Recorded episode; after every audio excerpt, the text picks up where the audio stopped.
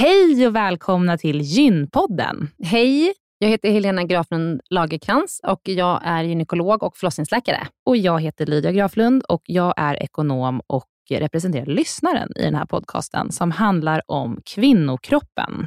Det är vetenskaplig fakta om kvinnokroppen och det du hör i den här podden är det som man kan höra om man får träffa en läkare eller en barnmorska i ett eh, möte.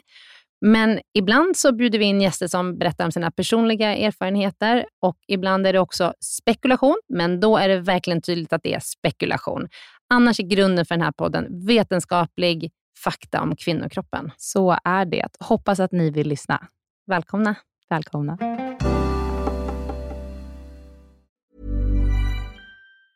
Say hello to a new era of mental health care.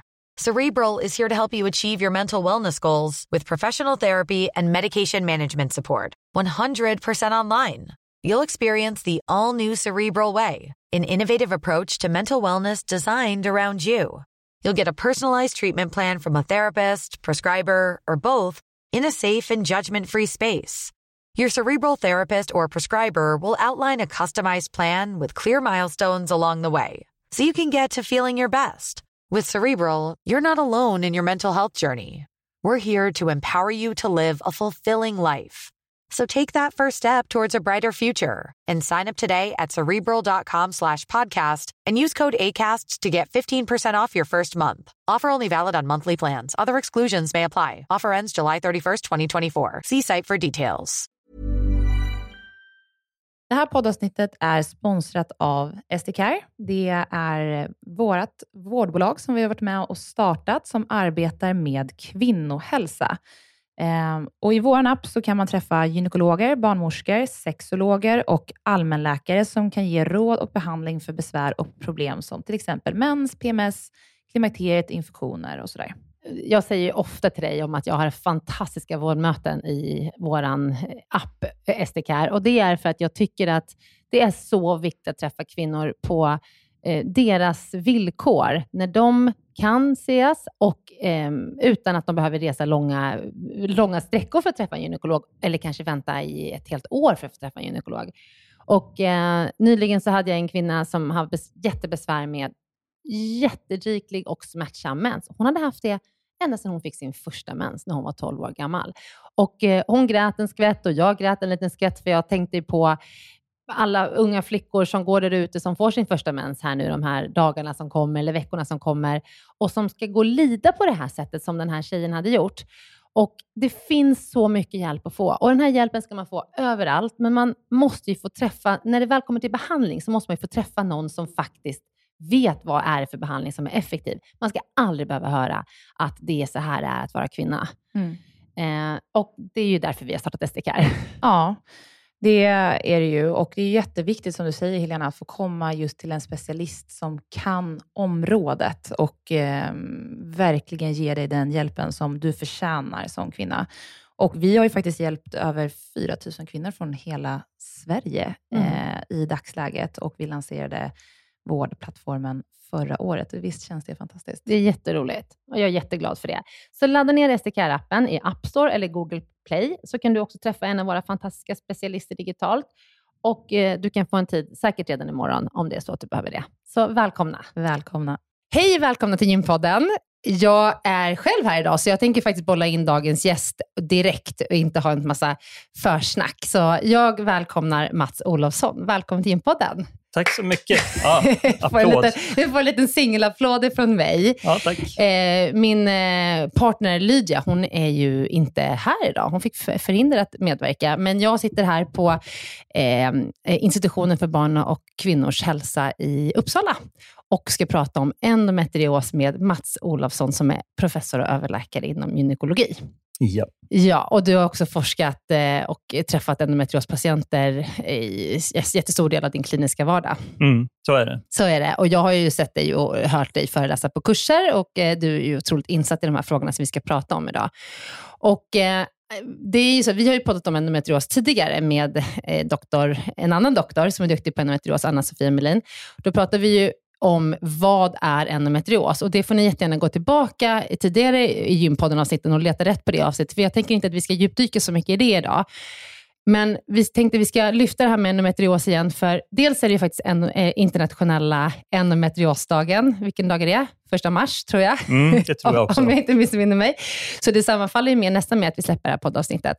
Och jag tänker att vi ska gå in lite mera på hur ser vården för endometrioskvinnor ut idag i Sverige och vad kan vi göra mer och vad, vi, vad kan vi förvänta oss framåt? För att nu lyfts ju endometrios på agendan. Regeringen hade till och med endometrios med på i regeringsförklaringen att det är någonting som vi ska jobba mera med. Och Trots det så vet jag att det är otroligt många kvinnor som inte får hjälp och inte får rätt hjälp ute i Sveriges alla delar av Sverige. Mm. Håller du med mig om det? Ja, så är det ju. Det ser ju väldigt olika ut. Eh, vi fick ju nationella riktlinjer 2018 och eh, eh, tanken med dem är ju att vi ska få en jämlik endometriosvård över landet.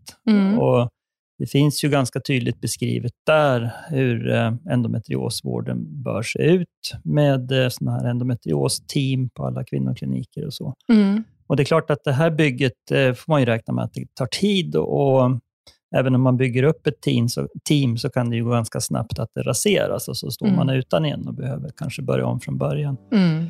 Eh, men det ser ju olika ut över landet och det vittnar ju patienter om också. Jag träffar ju patienter ifrån i stort sett hela landet. Och vissa delar av landet fungerar det ju väldigt bra och andra delar så kanske man eh, tror att det fungerar bra men det fungerar inte så bra sett ur patienternas perspektiv i alla fall. Och på andra ställen så har man liksom inte kommit någon vart riktigt med det här. Men det går ju åt rätt håll totalt mm. sett ändå. Det gör det.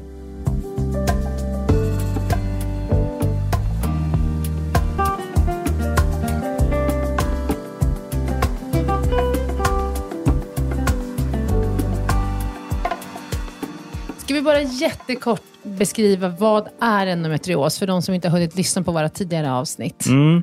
Endometrios det är ju livmoderslemhinna som sätter sig någonstans utanför livmoderhålan.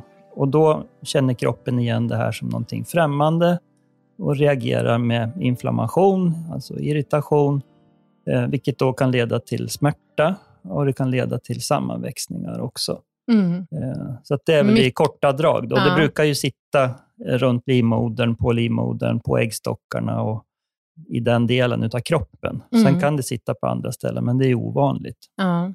Och De här sammanväxningarna gör ju att det kan göra ont att kissa, det kan göra ont att gå och bajsa och det kan vara svårt att ha samlag. Och det, det påverkar så stora delar av mm. en kvinnas liv. Mm. Så är det. Um, jag bara uppdaterade lite hur det ser ut med antalet endometriospatienter i Sverige. Och då, då brukar man säga att endometrios drabbar uppskattningsvis till var tionde kvinna i fertil ålder. Ja.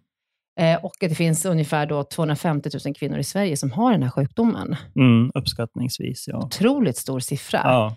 Och eh, Vi vet också att många får besvär tidigt och vi vet också att ju flera som får, behandling tidigt i livet får också mindre symptom. Mm, Håller du mm. med om det? Uh. Ja, alltså även väldigt unga tjejer kan ju få väldigt mycket symptom. Mm. Det är ju faktiskt så att de som senare i livet får en diagnos kan ju påminnas att, att de haft symptom eh, upp till 40 procent av de kvinnorna. Och mm. Det är ju kronisk smärta, mensvärk och så vidare, som, mm. som liksom inte vanliga smärtstillande biter, biter på. Ja.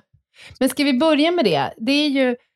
Um trots att vi vet att det är så vanligt och de flesta läkare, liksom alla olika instanser, vet ju faktiskt vad endometrios är, skulle jag vilja våga säga. Och eh, då vis, så visar ju ändå studier på att det tar sju till åtta år att få diagnosen. Vad beror det på? Varför är det mm. så svårt? Egentligen så är det ju inte så svårt att ställa diagnosen, men det är orimligt att vi ska ställa diagnosen på alla. Eh, den, nästan alla endometriospatienter har ju sin endometrios i bukhålan, in, på insidan av kroppen så att säga. Eh, och Det innebär att man måste göra en titthålsoperation. Och det har vi inte möjlighet att göra på alla där vi misstänker endometrios. Utan det vi i praktiken gör, det är ju att vi sätter in en hormonbehandling och hjälper dem med smärtan. Och många blir ju bra på till exempel p-piller och vanliga receptfria smärtlindrande. Mm. Så har ju de eh, ja, kanske inget ont alls eller väldigt hanterligt i alla fall. Då behöver man inte driva diagnostiken vidare. Och det här är ju en väldigt stor grupp. Senare i livet kanske de får diagnosen och det driver ju upp de här siffrorna. Eh, Så det är lite missvisande det, siffror, tycker du? Ja, det är väldigt missvisande, tycker jag. Jag tycker inte man ska stirra sig blind på de där siffrorna. Eh, sen måste vi ju...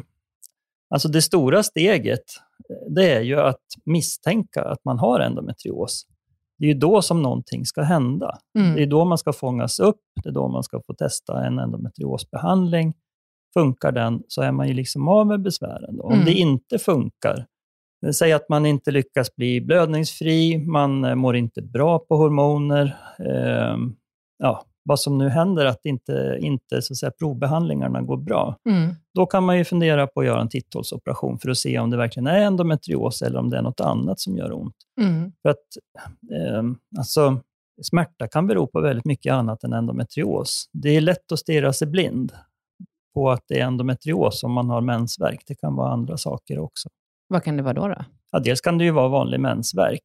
Och sen har vi ju tillfällen där kvinnor har smärtor som inte är klassisk mensvärk, eh, men som heller inte beror på endometrios, men det följer endomenscykeln. Mhm. Eh, Mm. Om det är leder, ligament, muskler, eh, ja, Och- och vad de det nu är. mycket- Det är ju mm. saker vi inte riktigt förstår. Mm. Men de har något smärttillstånd som följer menscykeln, men de har inte endometrios, eller vi kan i alla fall inte påvisa någon endometrios. Nej. Och de blir heller kanske inte då bättre på eh, hormonell behandling? De gör ju inte det. Nej. Så, så där är det ju viktigt att då utreda vidare med då Ja. och titthålsoperation. Ibland gör vi MR också, magnetröntgen, Ja. och tittar på efter, efter Precis. Inte så ofta för diagnostik, ska jag vilja säga, utan Nej. det är ju mer inför en operation, att man vill kartlägga endometrios. Eh, För att med MR kan du inte diagnostisera de här förändringarna som sitter i bukhinnan. Nej, just det. Det är den vanligaste formen också, utan du kan se sådana här cystor i äggstockarna, då, eh, chokladcystor eller ovarial endometriom. Och så kan du se djupa lesioner. Men den vanliga eh, endometriosen som sitter som prickar eller fläckar i bukhinnan, de ser man ju inte med MR heller. Nej, då måste man ta prov. Då måste man Mm. ju i sådana fall in i buken ändå. Då. Mm. Men i det här nationella vårdprogrammet som kom då först 2018, där finns det ju då eh, mycket information om bakgrund och forskning, men också hur vi i vården ska organisera oss. Ja. Eh, och då så står det att grundkompetensen i ett endometriosteam ska vara då gynekolog och sjuksköterska eller barnmorska, en fysioterapeut, smärtspecialist, kurator och så nå- någon med en sexologisk kompetens. Det kan ju vara en barnmorska eller Mm. sexolog som har en annan bakgrund. Tycker du att vi le- lever upp till den här grundkompetensen på våra kvinnokliniker som tar hand om, om svåra endometriospatienter? Nej, det gör vi ju inte. Eh, Men det går sakta åt rätt håll, ska jag vilja säga. Det är Ja. fler och fler klin- kliniker som bygger upp sådana här team. Så att det, det är många vita fläckar på kartan. Visst Ja. är det så. Eh, Men jag är, känner mig ganska nöjd ändå av att det faktiskt går åt rätt håll, att det blir Mm. bättre och bättre. Man kan inte förvänta sig, med det tryck som är på sjukvården i övrigt, att man helt plötsligt ska prioritera upp det här. Och man måste ju bygga upp kompetens också. Mm. Och det är ju inte bara gynekologerna som måste kunna det här i teamet, utan det måste ju de andra kunna också. Annars är det svårt att föra en dialog kring de här patienterna. Mm. Men eh, eh, ja, sen ser ju förutsättningarna väldigt olika ut. Alltså, du kan ju ha en liten klinik någonstans, en, en småstad så att säga. Litet sjukhus, en liten kvinnoklinik, en liten gynmottagning, inte så många personer. Eh, Där kan det vara svårt att bygga upp ett brett team. Mm. Men finns du på ett stort universitetssjukhus, då bör man ju kunna bygga upp ett lite bredare team där man kan sköta de här patienterna. Mm.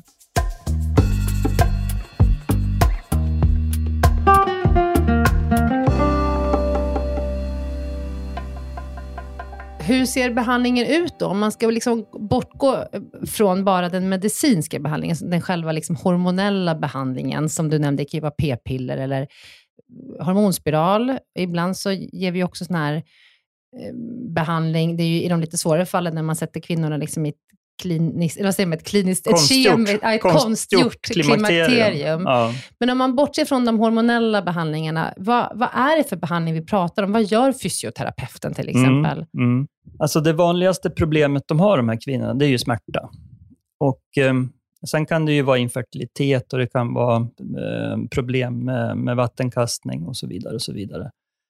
Men eh, väldigt mycket, förutom kanske infertiliteten, då, bottnar ju i att de har ont. De har smärta, de har smärtsignalering och kanske är på väg in i det man kallar då för en störd smärtmodulering, på väg mot kronisk smärta. Då börjar det ju hända väldigt mycket saker i kroppen som gör att till exempel kisseriet känns konstigt. Eh, man känner, sig alltid kissnödig och så vidare. Och så vidare. En massa symptom som kommer med det där. IBS-liknande besvär också, som ju inte är primärt en IBS, då, utan det är sekundära fenomen på grund av smärtan. Så mycket handlar ju om smärtlindring. Mm. Eh, men det allra första är ju att vi måste, måste tro på de här kvinnorna när de kommer och berättar att de har ont. Många är unga och i sin blomning, så att säga, och, och, och berättar om sina besvär. Eh, som gynekolog kanske man gör en gynundersökning, man hittar ingenting särskilt. Eh, utan eh, allt ser normalt ut och kvinnan får beskedet att nej, men allting ser normalt ut. Eh, så du kan ju inte ha ont. Och då har man ju kört i diket ganska ordentligt på en gång och, och Eh, får kvinnan uppleva det här några gånger så mm, blir det ju en misstro gentemot sjukvården. Men om man nu väl fångar upp dem och, och liksom ska jobba med smärtan, då, då, handlar det ju inte bara, precis som du säger, det handlar inte bara om piller, utan det handlar ju om att ge dem en trygghet. Eh, och Det kan man göra som enskild doktor eller i ett team, lite grann beroende på vilka behov de har. Det är därför man ska ha ett team. Mm. Eh, och Att jobba med smärta, det handlar ju väldigt mycket om annat än smärta från endometriosförändringarna. Alltså det kan ju vara faktiskt så att de kan ha lika mycket smärta även om de är hormonellt välbehandlade, att mm. de har utvecklat en smärtsjukdom. Och Då kommer ju fysioterapeuten in, bör komma in väldigt tidigt och då handlar det om TENS, mm. transkutan nervstimulering som smärtlindring. Eh, det kan handla om en massa andra eh, så säga, sätt också att lära sig att hantera smärtan. Mm. Eh, det är mycket det man gör på smärtrehab? Att, ja, eller? men det kan du mm. göra i eh, ett team också. Mm. Alltså, du kan ju ha en kurator, en fysioterapeut som jobbar med KBT. Då mm. behöver du inte skicka dem till något rehabteam för att göra, utan det kan du ju påbörja internt i ditt endometriosteam. Mm. Så att, ehm, och har du ont någonstans, det vet ju de som lyssnar som har haft ont någonstans, att då får man ju ofta sekundära smärtor också. Man spänner sig och så får man ont på andra ställen. Och så sprider sig den här smärtan. Eh, har man ont i ett knä så går man på ett sätt för att lindra den där smärtan från knät och då får man ont i ryggen eller i någon höft eller någonting också. Mm. Och Det här behöver ju fysioterapeuten ta hand om och reda ut lite grann eh, hur man ska gå tillväga för att liksom minska de här muskelkramperna, eh, smärtor från muskulatur och så vidare. Mm. Eh, så det, det, är mycket saker vid sidan om piller som mm. man ska ägna sig åt. Så att eh, man ska akta sig för att bara använda piller. Då, har man ju, då är man inne på fel spår. Sen behövs hormonbehandling nästan alltid och smärtlindrande läkemedel behövs nästan alltid. I perioder mm. i alla fall. Men, mm. men man får inte glömma bort det andra. En otroligt viktig aspekt för de här kvinnorna med smärta, det är ju att få dem att röra sig. Har man ont blir man ju gärna stillasittande, för man får mer ont om man rör sig. Mm. Då är man inne i en väldigt dålig spiral. Det handlar ju om våra egna smärthämmande system, då, endorfinerna. Och enda sättet egentligen att aktivera det systemet, det är ju att utsätta kroppen för belastning, för lite smärta. Och då är det fysisk träning, fysisk aktivitet. Mm. Så det är viktigt att få dem dit. Och det är ju fysioterapeuten viktig också förstås. Det är svårt att säga till en kvinna som har jätteont, nu, nu måste du ut och röra på dig. Ja, men det går men, inte. Nej, du måste stötta inte. dem. Ja. ja och, och, att de också får hjälp med hur de ska börja. Ja. Man kan inte börja med att jogga tre kilometer. Nej. Utan, nej. Och får man in dem på ett gym så ska de ha en PT som mm. vet vad det handlar om. Mm. Eh, som kan ge dem eh, lagoma portioner, så att säga, så de kan mm. öka successivt. Jag tänker också ofta när jag träffar eh, kvinnor med endometrios, och så, så när man undersöker och det knappt går att undersöka för det gör så ont, och så frågar man, kan du ha samlag? Nej, absolut inte. Det går inte, det gör jätteont. Mm. Också någonting, det här drabbar ju kvinnor i fertil ålder, mm. som, där sex är en jättestor del. Hur, hur ofta tycker du att man liksom också får hjälp med den biten? Ja, jag tror att den biten får de väldigt dåligt med hjälp mm. faktiskt. Eh, sexologiskt utbildad personal är ju en bristvara. Mm. Eh, de få som finns, de slukas ju på olika håll. Mm. Eh, men inom gynekologin så finns de ju förhoppningsvis tillgängliga i vulva-team och endometrios-team ändå. Det, är ju alltså det är var och varannan som tar upp det här. Om man inte frågar det så tar de upp det ändå, för det är ett mm. så stort problem. Mm. Och Det här drabbar ju väldigt unga tjejer också i deras tidiga så att säga, första relationer och, och, det går i diket och så försöker de igen. Och så. Ja, det blir, blir otroligt brötig problematik mm. i det här så småningom som man inte löser upp bara genom att ja, ändra i medicinering eller någonting. Nej, det blir andra låsningar också. Ja. Så att, eh, mm, är det. Jag tycker det här är så viktigt att verkligen vi i vården ska tänka på att det finns Alltså att vi, att vi måste tänka bredare och se till att patienter får rätt vård. För det är ju väldigt lätt att man, att man är lite så tänker, ah, vad kan jag göra? Ja, men jag sätter in en hormonell behandling och hon är blödningsfri. Ja, men då har jag gett, gjort mitt ungefär. Ja, ja. Men att, man, att vi liksom verkligen tänker på så här, vad är det mera vi kan hjälpa till med. Sen är det ju tyvärr en resursfråga. Det är som du säger, det finns ju inte alla resurser på alla sjukhus. Men mm. åtminstone försöka då, och som patient uppmanar jag ju också kvinnorna att liksom se till att få den vården som du behöver. Får man, om, man, om det inte finns på ditt sjukhus, får man se till att få en remiss någon annanstans? Eller? Ja, mm. och att man utnyttjar de resurser som faktiskt finns. Mm. Ibland är man ju lite sådär, tänker inte utanför ankdammen, utan man, man, konstaterar att ja, på min klinik, på min mottagning, så har vi inte några mer resurser. Vi har ingen dietist, fast du behöver prata kost, för du har problem med magen. Men då finns det ju dietister i primärvården. Mm. Skriv då en remiss till vårdcentral. Där finns de. De kanske inte alls kan någonting om endometrios, men de kan ju tarm och de kan IBS och de kan mat. Mm. Så kan de i alla fall ge lite råd. Mm. Eh, så att eh, fysioterapeuter kanske inte finns på att man har tillgång till i teamet på något bra sätt, men försök att samarbeta med någon i primärvården. Då. Det finns mm. alltid de som är intresserade av att liksom kliva in i en sån här team, teamverksamhet. Mm. Du nämnde lite att, att det är viktigt att kvinnan blir, att hon blir trodd på att hon har ont. Och Det är ju också någonting som man har hört mycket, att kvinnor inte blir trodda att de har så här ont. Och jag läste en studie som gjordes här av eh, några forskare, för, den släpptes för några veckor sedan, om hur kvinnor blir, vad som händer med, med deras smärta och mående beroende på hur de blir bemötta. Och att eh, det försämrar ju smärtan om de inte blir bemötta på ett, eh, alltså att, att vi tror på dem. Och, och, när jag läser det, så, så min reflektion är lite grann att jag tänker, det är så otroligt svårt att möta kvinnor i det här fallet med så här mycket problem när man inte har en bra lösning. Mm. När man inte känner att jag kan hjälpa dig. Mm. Och då blir det kanske att man inom vården på något sätt nästan förminskar problemen för att man inte liksom riktigt kan nå ett resultat i smärtan. Mm. Förstår du vad jag menar? Ja, jo. Nej, visst. Och, och jag tror att det ligger väl också i botten varför upp, kvinnor upplever att de får dålig hjälp. Mm. Det är för att doktorn inte riktigt vet hur man ska gå vidare. Nej. Och kanske inte heller tänker på det här att man kan så säga, bygga, bygga vården med hjälp av flera kompetenser. Nej. Att man kan inte jag, så då, då, släpper man dem och så gör man inget mer. Det blir liksom en låsning i det där också, tror jag. Ja. Och, och Endometriospatienter kan ju upplevas som väldigt krävande. De är unga, de är väldigt på, de är frustrerade. Och, och eh, Som doktor kanske man inte har liksom verktygen. Man kan inte verktygen eller känner inte till vilka verktyg man har att använda riktigt. Så Det är klart att det blir en frustrerande situation. Mm. Men ge då den här patienten en annan doktor eller skriv en remiss. Är, man får inte bara släppa dem där. Nej. Alltså vi får ju här i Uppsala och andra så att säga, större centra får ju mycket remisser för second opinion. Mm. Därför man vet inte hur man ska gå vidare. Det tycker jag är jättebra. Sen kanske inte vi har så himla mycket mer att erbjuda heller. Men man måste liksom gå till vägs ände mm. och testa allt som går att testa, tycker jag. Mm. Um, så att man inte släpper dem någonstans halvvägs och säger att nu kan vi inte göra mer, sorry. Mm. Och Det är nästan alltid så att det går att göra någonting mer. Ja, precis. Om inte annat bara att lyssna. Ja. Och att liksom se till att man verkligen, jag hör dig, jag ser dig och jag mm. fattar att du har det mm. jättejobbigt. Mm. Say hello to a new era of mental health care.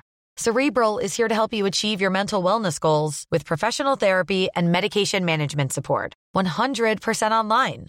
You'll experience the all new Cerebral Way, an innovative approach to mental wellness designed around you. You'll get a personalized treatment plan from a therapist, prescriber, or both in a safe and judgment free space. Your Cerebral therapist or prescriber will outline a customized plan with clear milestones along the way so you can get to feeling your best. With Cerebral, you're not alone in your mental health journey. We're here to empower you to live a fulfilling life.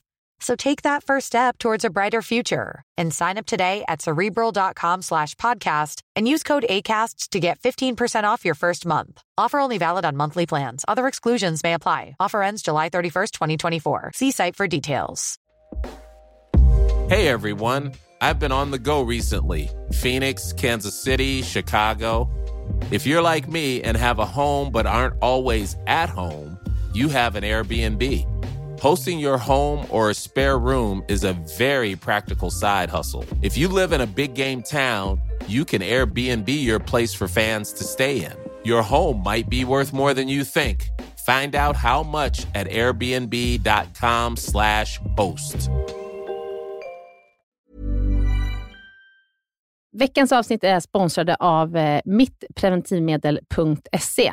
Det är en sida där Bayer har samlat mycket information som är superbra när man ska välja preventivmedel. Mm. Lydia, du har varit inne på den. Jag har varit inne på den och eh, det finns ett jättebra test Mm. som man kan ta för att eh, alla preventivmedel passar inte alla personer. Det är ju Nej. ganska komplext och det är ganska mycket faktorer som spelar in när man ska välja preventivmedel. Det, det kan vara liksom att man har hört från en kompis eller en influencer att ett visst preventivmedel har funkat jättebra för henne, men det kanske inte passar just din kropp.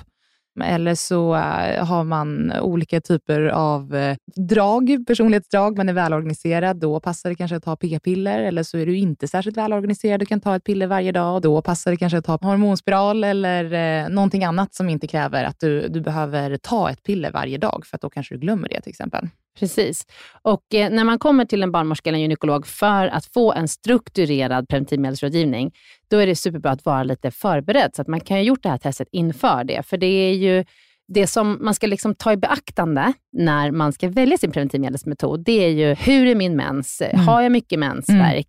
Vad händer om jag blir gravid? Liksom, är det sådär att du känner att ah, det finns ingen bra timing, blir det barn så blir det barn. Mm. Då behöver man inte ha någonting som är lika säkert Mm. som om det var sådär att skulle jag bli gravid nu, då, då skulle jag välja att göra en abort, vilket är liksom någonting som ändå är ganska tidskrävande och Ja. besvärligt och jobbigt för många. Eller att det är farligt för en att bli gravid. Ja, och farligt att bli gravid. Då Ja. måste man ha ett jättesäkert skydd. Så det är jättemycket saker som eh, man kan fundera på och då kan man gå in och göra det här testet. Så gå in på mitt preventivmedel och söker fram till testet, gör testet och Mm. sen så gör ni det och där får ni svara på massa frågor som eh, liksom är inriktade på just dig.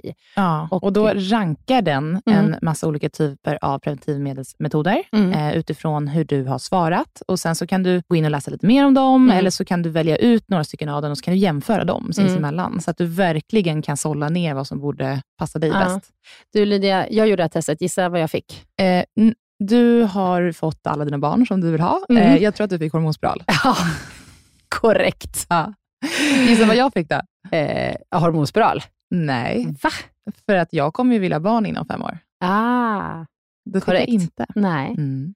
Okej, så du fick p-piller kanske? Ja, Mm. jag fick faktiskt Ja. p-piller. Och eh, är strukturerad och Ja. kan ta ett piller varje dag. Ja, det är inga problem för eh, dig. Nej, Nej. precis. Ja, men superbra. Gör testet och eh, ja, ha med i det, den informationen när ni går och gör er preventivmedelsrådgivning eh, rådgivning hos barnmorska eller gynekolog.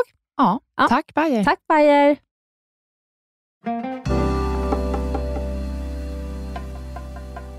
Om man tänker utöver smärtan, eh, hur ser livet ut för en kvinna med måttligt till svår endometrios? Hur, hur, eh, hur mycket sjukskrivning ligger bakom den diagnosen och hur Mm. med familjebildning? Och du nämnde infertilitet. Mm. Hur ser livet Precis. ut? Hur jo, din- alltså i det enskilda fallet, som den enskilda kvinnan, kan det ju se alldeles väldigt normalt ut förstås. Men på gruppnivå eh, så är ju kvinnor med endometrios mycket mer sjukskrivna. Eh, nu kommer jag inte ihåg precis i dagar, men det har jag faktiskt räknat ut någon gång mot en åldersmatchad normalpopulation. Då. Och om jag kommer ihåg ungefär så var väl en kvinna med endometrios sjukskriven ungefär 30 dagar per år och en, en eh, matchad, åldersmatchad grupp då var ungefär 7 dagar per år. Mm. Så det är väldigt stor skillnad. Och, Vad kostar det? Räknade du ut vad det ja, kostar? vi har gjort en hälsoekonomisk studie. Den är publicerad för ett par år sedan. Eh, men jag kommer inte ihåg detaljerna Siffrorna, där. Men, nej. men eh, antalet sjukskrivningsdagar är ju väldigt mycket större. För, Mm. för många kvinnor är det ju enormt mycket sjukskrivningsdagar. Det där var ju på gruppnivå. Då. Mm. att, ehm, Jag har patienter som är sjukskrivna, som är 25 år och sjukskrivna hela tiden. ja, jo, men De kan så. inte gå till Nej, jobbet. nej, så är det. Men för många, jag skulle säga för den, den så säga, stora majoriteten av de här, så fungerar ändå arbetslivet hyggligt. Men de har en hel del korttidssjukskrivningar för att de har, eh, är sämre i sin smärta oftast när de vaknar på morgonen och tar sig inte till jobbet. Så det är väl vanligt. Eh, man vet också att kvinnor med endometrios som grupp då har färre barn. Fler lever ensamma, alltså ingen partner då, utan de, de lever ensamma.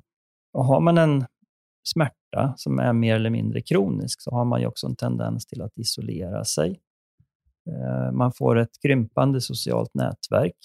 Eh, man får dålig ork. Man sover dåligt.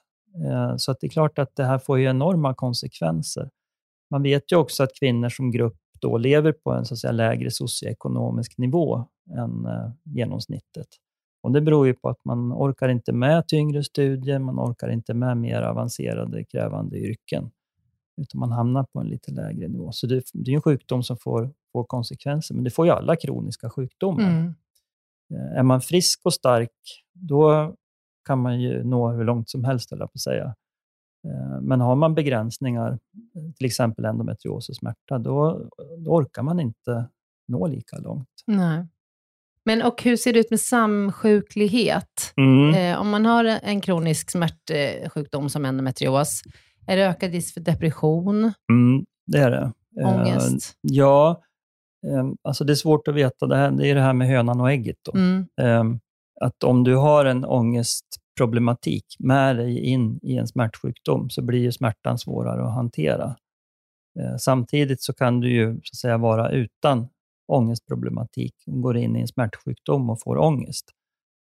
Men vi ser ju att våra så att säga, svåra patienter, då, de som lider mest och som kanske är svårast att hjälpa, det är ju de som har samsjuklighet med eh, ja, psykiatriska tillstånd. Eh, Det kan vara en neuropsykiatri med ADHD, Asperger, ångestproblematik, ätstörningar, självskadebeteenden och så vidare. Mm. De har ju liksom problem från början att hantera sig själva och sina liv. Och får de dessutom en smärta så blir det väldigt besvärligt. Mm. Och då är det ju viktigt att man inte försöker jobba själv med de patienterna, utan att man faktiskt eh, jobbar i teamet och att man jobbar ihop med psykiatrin. Mm. Eh, Om man tänker sig att en sån patient man ska komma till rätta med smärtproblematiken, så måste man jobba ofta med psykiatrin först eh, och försöka optimera det så långt det går, om det behövs medicinering eller någon annan form av terapi. Och sen att man jobba med smärtan lite parallellt förstås, då, men man har ingen chans att påverka deras smärta om inte man också jobbar med psykiatrin. Och här blir det ju diverse olika krockar ibland för patienter. Då, att de eh, mår inte bra på medicinering eh, mot sin ångest eller ADHD eller vad det nu är för någonting. Och, eh, samtidigt har de sin smärtproblematik som de har svårt att hantera. Eh, ofta har de ju faktiskt också svårt att klara biverkningar av eh, till exempel p-piller. Minsta biverkan blir ju väldigt jobbig för dem. Men sen så säga, en stabil och frisk eh, person kan tolerera de där biverkningarna ganska bra, så, så blir det för mycket för de här. Mm. Så det är ju jättesvårt för dem. Mm. Och de kräver mycket resurser. Och, men det är ju ändå så att de flesta av de här kan man ju hjälpa också. Man kan inte bota dem och, och få bort all del, alla deras problem, men man kan göra att de kanske kan leva ett bättre liv och kanske klara av att jobba, vilket de flesta vill och så vidare. Mm. Precis, att liksom ha en, en högre lägstanivå. Ja, Eh, att kunna jobba, att kunna ha ett socialt liv, ja. kunna ha en partner om man vill det. Ja. Jo, Och precis. smärtfria perioder. Ja, och Mm. även ganska små steg i rätt riktning kan ju betyda väldigt mycket. Mm. Att de känner sig nöjda. Och, Mm. ja, man är ju förvånad ibland över vad, vad, vad liksom liten förbättring kan göra mycket för deras allmänna välmående och Mm. funktion. Jag har haft en, en tjej som har gått hos mig ett tag som eh, Ja, det känt, hon har varit sjukskriven länge och haft ont. Och, det har varit liksom, och jag har känt mig lite så här också att jag inte vet inte riktigt vad jag ska göra som nästa steg. Men sen så fick jag ändå till att, att börja gå som fysioterapeut och som liksom började jobba med henne. Och sen nu hade jag en telefonuppföljning för, för några veckor sedan och då svarade hon inte. Mm. Och sen då när jag, svar, när, när jag ringde efter ett par timmar igen så sa ja men jag såg att du ringde förut, men jag var på vattengympa och jag, jag började känna liksom att och alltså, du vet, jag blev så lycklig. Mm, så jag, mm. Gud, hon är på vattengympa, hon har ett helt Mm. annat stuns i rösten. Mm. Och hon hade fortfarande inte liksom kommit tillbaka till jobbet, men jag kände så här, det var liksom ett steg framåt. Och det, är Mm. så, det är ett litet steg, men det är så otroligt viktigt, Ja, för att ja. det blir så många bakslag. Ja. Att man till slut tänker man så här, ah, det finns ingen väg framåt. Och så hittar man en liten väg framåt. Och då, det var ju fysioterapi där, Ja. just i det Ja. fallet. Så, men det gör ju även en gynekolog väldigt lycklig. Ja, ja, ja, man blir väldigt lycklig för deras Ja, skull. Eh, Och det, det handlar ju om tålamod. Alltså, Jag har ju haft patienter som har gått hos mig i, i flera år och man tycker man kommer ingen vart. Och Mm. det, eh, via Arbetsförmedling och Försäkringskassa så gör man försök till såna här träningsarbete. Och vad heter Mm. det? Ja, Arbetsträning. Arbetsträning heter Mm. det. Eh, och, och alla möjliga insatser görs och man kommer liksom ingen vart. Men till slut, helt plötsligt, så börjar det röra sig åt rätt håll. Mm. Och precis som du säger, det kommer en annan stuns i rösten, Mm. en annan stadga. Mm. Och helt plötsligt så jobbar de 25 procent eller Mm. 50 procent. Mm. Och det är ju helt fantastiskt när de har varit då sjukskrivna i flera år. Mm. Och de har själva gett upp flera gånger. Man Mm. har liksom fått peppa igång dem. Så Och- alla tjejer där ute, håll ut. Det kan vända. Ja, faktiskt. Vi har sett det. För Men- många faktiskt. Ja, jättemånga. Såklart. Ja. Mm.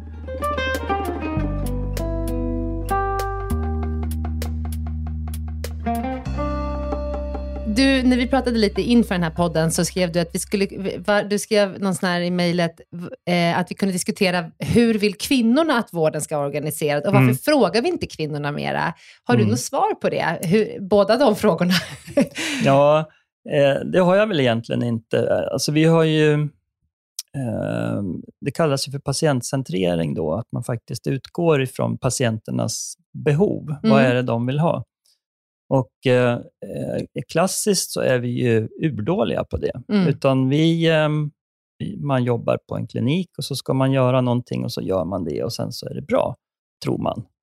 Eh, och Vi utgår mycket från hur vi vill jobba. Ja, vi utgår hur vi, hur vi tror att det ska vara. Ja. Vi, vi frågar ju inte patienterna. Eh, och vi har ju precis eh, gjort en studie, jag och en, en postdoc från Norrköping som går hos mig, Hanna, där vi har tittat på det här. Då, hur eh, upplever kvinnor endometriosvården och hur viktigt tycker de att de olika aspekterna är? Mm. Det är rätt många frågor de har svarat på. Och eh, eh, Då visar det sig att eh, det är flera aspekter som kvinnor, endometriospatienter tycker är jätteviktiga, men de tycker att vi missar målet fullständigt. Så det här är ju Mm. något som vi måste jobba med. Kan du nämna några? Har du, kan du säga på rak arm så här? Ja, alltså en viktig faktor det är ju att de faktiskt får ha en egen, eh, att det är samma doktor de går till från gång till gång. Och så ser det inte ut på de flesta ställen uppenbarligen. Eh, jag har ju patienter som då har gått hos mig i många, många år. Och de, eh, är de inte nöjda med mig så får de byta såklart eh, och gå hos någon annan och förhoppningsvis stanna där. Men just det här att de själva då, eh, när de kommer på återbesök, eh, får de möta en ny doktor varje gång. Att de sätts upp på en ny doktor. Så Mm. ser det ju tyvärr ut på Mm. många håll. Och Det är ju typiskt en dålig sak. De vill gå till samma doktor. Och Jag tycker att de här som nu är så att säga kroniker då, eh, har en kronisk smärta, de har en, en långvarig problematik som kanske är ganska komplex. Kommer de till en ny doktor så tycker de att oberoende av hur bra egentligen det där mötet blir, så blir det bara skit för dem. Mm. Eh, Så det är ju en sån här kvalitetsfråga som vi i vården är jättedåliga på. Mm. De ska ha sin patientansvariga läkare. Menar, det har vi ju drivit sedan slutet av 90-talet, Mm. eh, mer eller mindre inom sjukvården, men det funkar ju inte. Nej. Det är när man går på privatmottagningar, då, då kan man ju ha samma doktor hela tiden, men i den offentliga sjukvården är vi ju dåliga på det. Mm. Eh, Så det är ju en Det- viktig mm. sak. Och det är klart, så här, annars så känner de väl lite att de måste börja om hela tiden och Ja, förklara hur ja. jobbigt det har varit Ja. och framåt, liksom, eller bakåt och vad de vill framåt och så. Mats, ser du positivt på eh, vården för endometrios och kommer det någon ny forskning på den, inom området? Mm. Ehm, det görs eh, mycket forskning, så det finns väl all anledning att se hoppfullt på endometriosvården också. Eh, man kan säga att de, de senaste 20-25 åren så har det ju hänt väldigt lite. Det har tillkommit en del nya hormonbehandlingar som faktiskt gör det lite lättare kanske att hitta en behandling som fungerar, som patienterna mår bra på. Eh, på smärtsidan har det egentligen inte hänt någonting. Ehm, mer än att vi kanske har lärt oss lite mer smärtfysiologi. Vi kan liksom bena lite mer i vad är det för typ av smärta de har. Och, ehm, eh, så det har väl gjorts en del, del små steg framåt i alla fall. Men jag tänker bara en sån här sak som patientcentrering. Varför tar vi inte tag i och gör något vettigt utav det?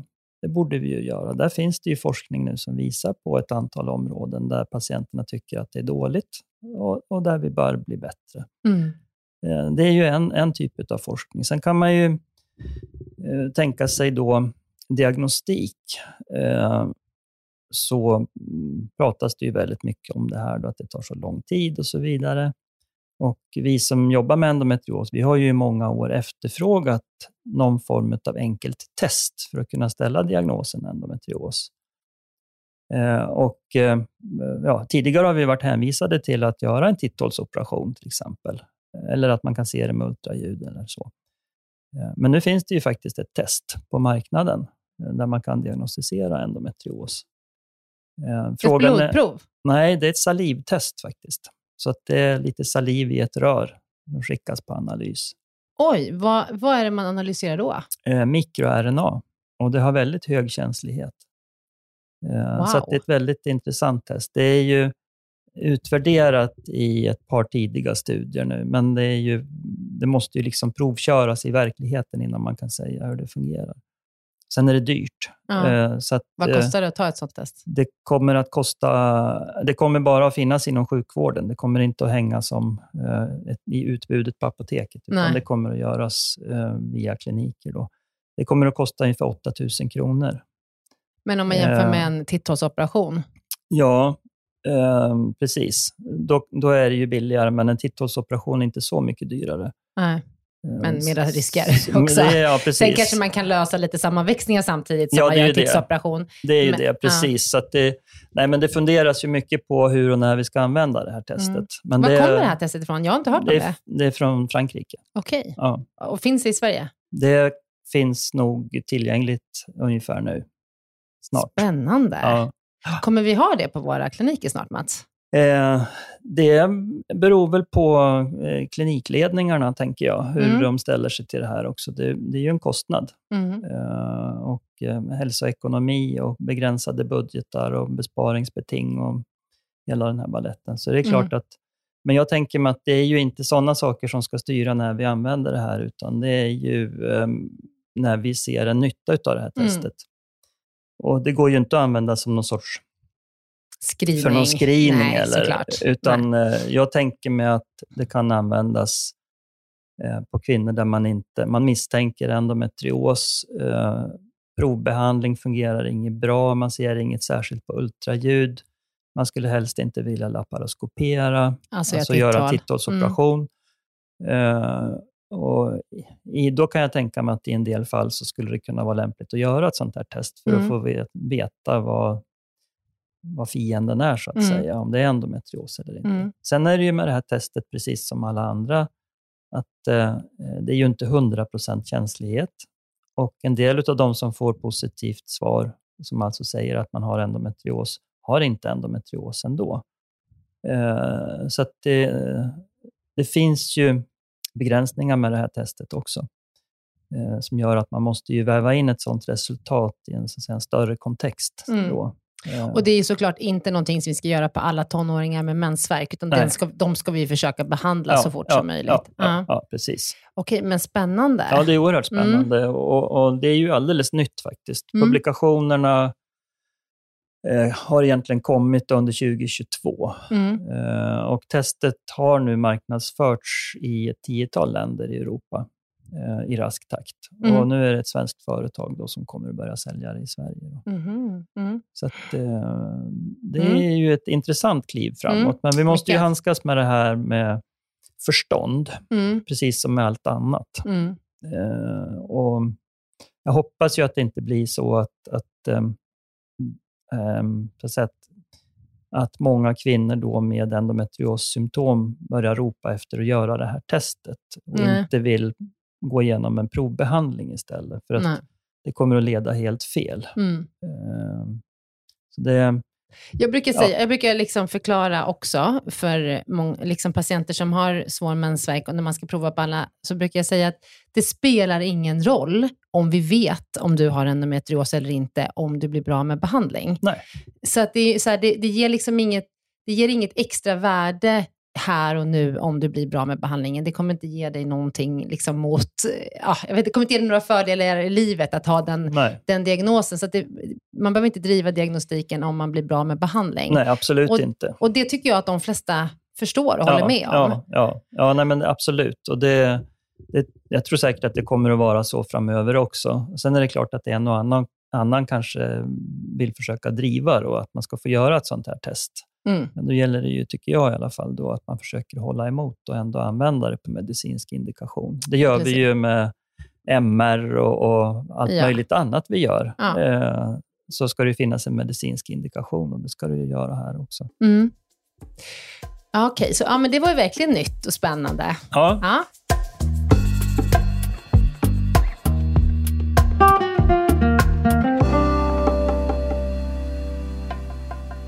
Har du något mera i bakfickan Ja. som du vill dra fram och berätta om? Ja, nej, men det, det finns ju på gång nu ett, eh, en substans eller ett blivande läkemedel som är väldigt intressant för behandling av endometrios också. Eh, Där det så småningom, eh, om allting går i lås, kommer att bli klinisk studie på endometriospatienter. Mm. Eh, och Det är väldigt spännande substans det här, för att det, dels så har det nog en, en påverkan på smärta, så att det är smärtlindrande på ett väldigt specifikt sätt. Men det har också visat sig att det krymper endometrioslesionerna. Mhm. Alltså de här endometrioshärdarna inne i magen? Ja, endometrioshärdarna Mm. krymper. Ja. Mm. Eh, så det här är... Är det om- ett hormon, en hormonell nej, det är inte en horm- nej, det är inte hormonellt. Nej. Ehm, det här är ju otroligt spännande faktiskt. Ehm, läkemedlet är testat på en annan indikation i en klinisk studie med väldigt Mm. lite biverkningar. Mm. Så att jag tycker att om det här går i lås Mm. så är det något oerhört stort som Mm. kommer att hända. Mm. Gud, jag blir jätteglad. Ja, det Ja. är riktigt kul faktiskt. Eh, och Det är också ett litet svenskt företag som driver det här. Okej. Mm. Ja, Men det låter ju ändå som att eh, om vi dels får nytt test som vi kan ta till när det, går, när det behövs, vi har lite nya eh, läkemedel. Dessutom behöver vi organi- organisera oss i vården så att kvinnor får rätt kompetens Mm. vid, vid rätt tillfälle, så kanske framtiden ser lite ljusare ja, ut. ja, ja. Ja, Alltså det går åt rätt håll. det går åt rätt håll. Ja. Som patient kan man ju tycka att det står bara och stampar. Mm. Och I enskilda fallet så kan det ju vara så att vi Mm. faktiskt inte har något mer att erbjuda. Och endom, själva endometriosen är vi ju ofta bra på att behandla, alltså med hormoner. Och är det så att det måste till kirurgi så är vi ju bra på det också, Mm. tycker jag. Mm. På tal om kirurgi, där, Ja. har vi också, där har vi också organiserat oss. ja. Eh, på vilket sätt är det, vad är nytt där? Jo, ehm, där gjordes det ju ett arbete också, precis som med nationella riktlinjerna. Då. Eh, det här med eh, högspecialiserad vård, nationell högspecialiserad vård, endometrios. Vi var ju väldigt tidiga ut i den där processen. Och Det handlar alltså om att kirurgi som, eller kirurgi, sjukdomar, i det här fallet kirurgi då, eh, vid svår endometrios, eh, den ska inte göras på alla kliniker, utan den ska koncentreras till ett antal kliniker som får göra den här typen av kirurgi. Så då ska man remittera till dem Då ska man det remittera. Det Mm. finns fyra sådana centra. Vilka, eh, vart ligger de? Ja, det är Uppsala, sen är det Södersjukhuset, och sen är det eh, Göteborg och så är det Malmö. Eh, så det är de fyra som tar hand om den avancerade endometrioskirurgin. Mm. Och det kan handla om att det är ovanliga ställen som endometriosen sitter på. Det kan handla om att det är svår, eh, svårartade sammanväxningar, svårt att operera. Det handlar ofta om att det ska vara fertilitetsbevarande, alltså att man ska inte sabba eh, äggstockarna i onödan, utan att det ska göras på ett sådant sätt att man behåller sin förmåga att bli gravid helt enkelt. Mm. Så det, och det finns en lång lista med tillstånd som ska remitteras till de här fyra klinikerna. Och, eh, det här har ju varit igång nu i ett par år. Eh, och det tar ju tid att liksom få sånt här att fungera, men det blir ju bättre och bättre. Mm.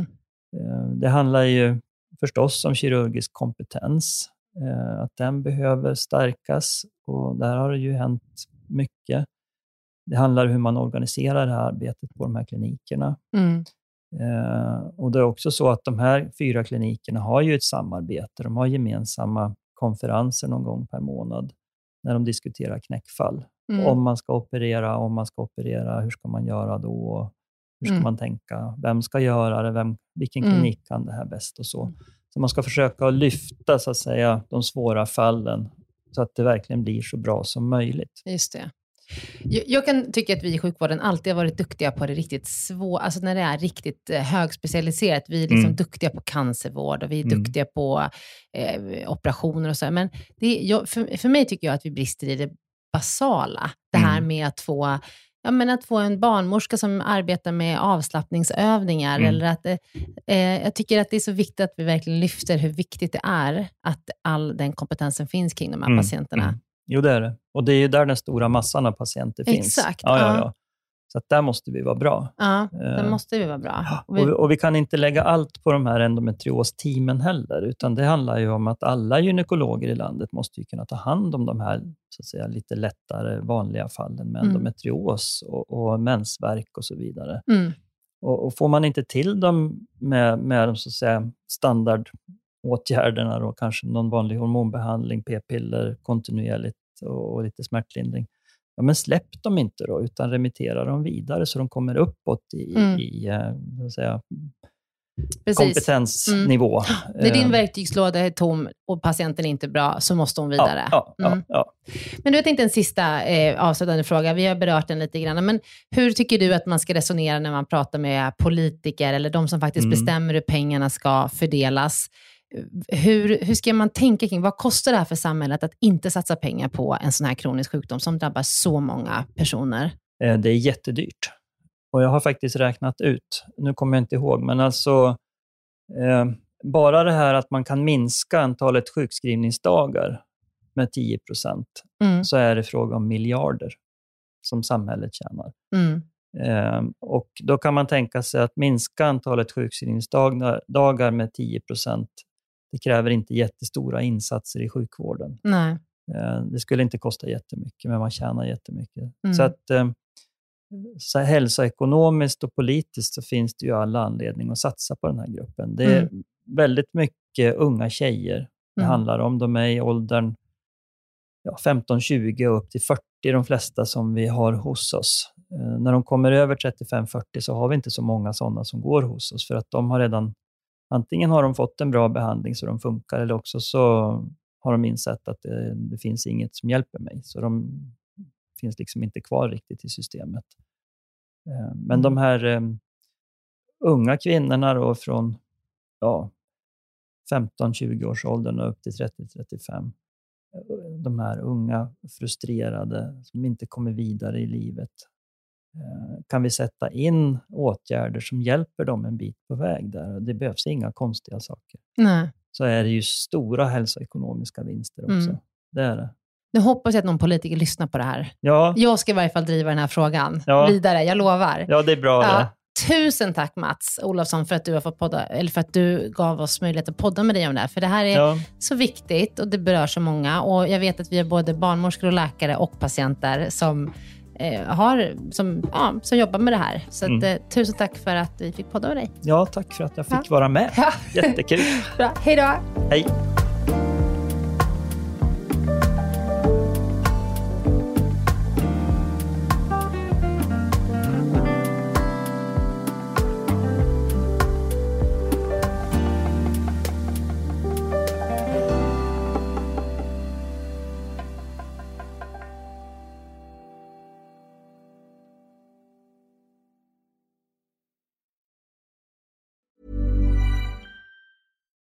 Botox Cosmetic, out of botulinum toxin A, FDA approved for over 20 years. So, talk to your specialist to see if Botox Cosmetic is right for you. For full prescribing information, including boxed warning, visit BotoxCosmetic.com or call 877-351-0300. Remember to ask for Botox Cosmetic by name. To see for yourself and learn more, visit BotoxCosmetic.com. That's BotoxCosmetic.com.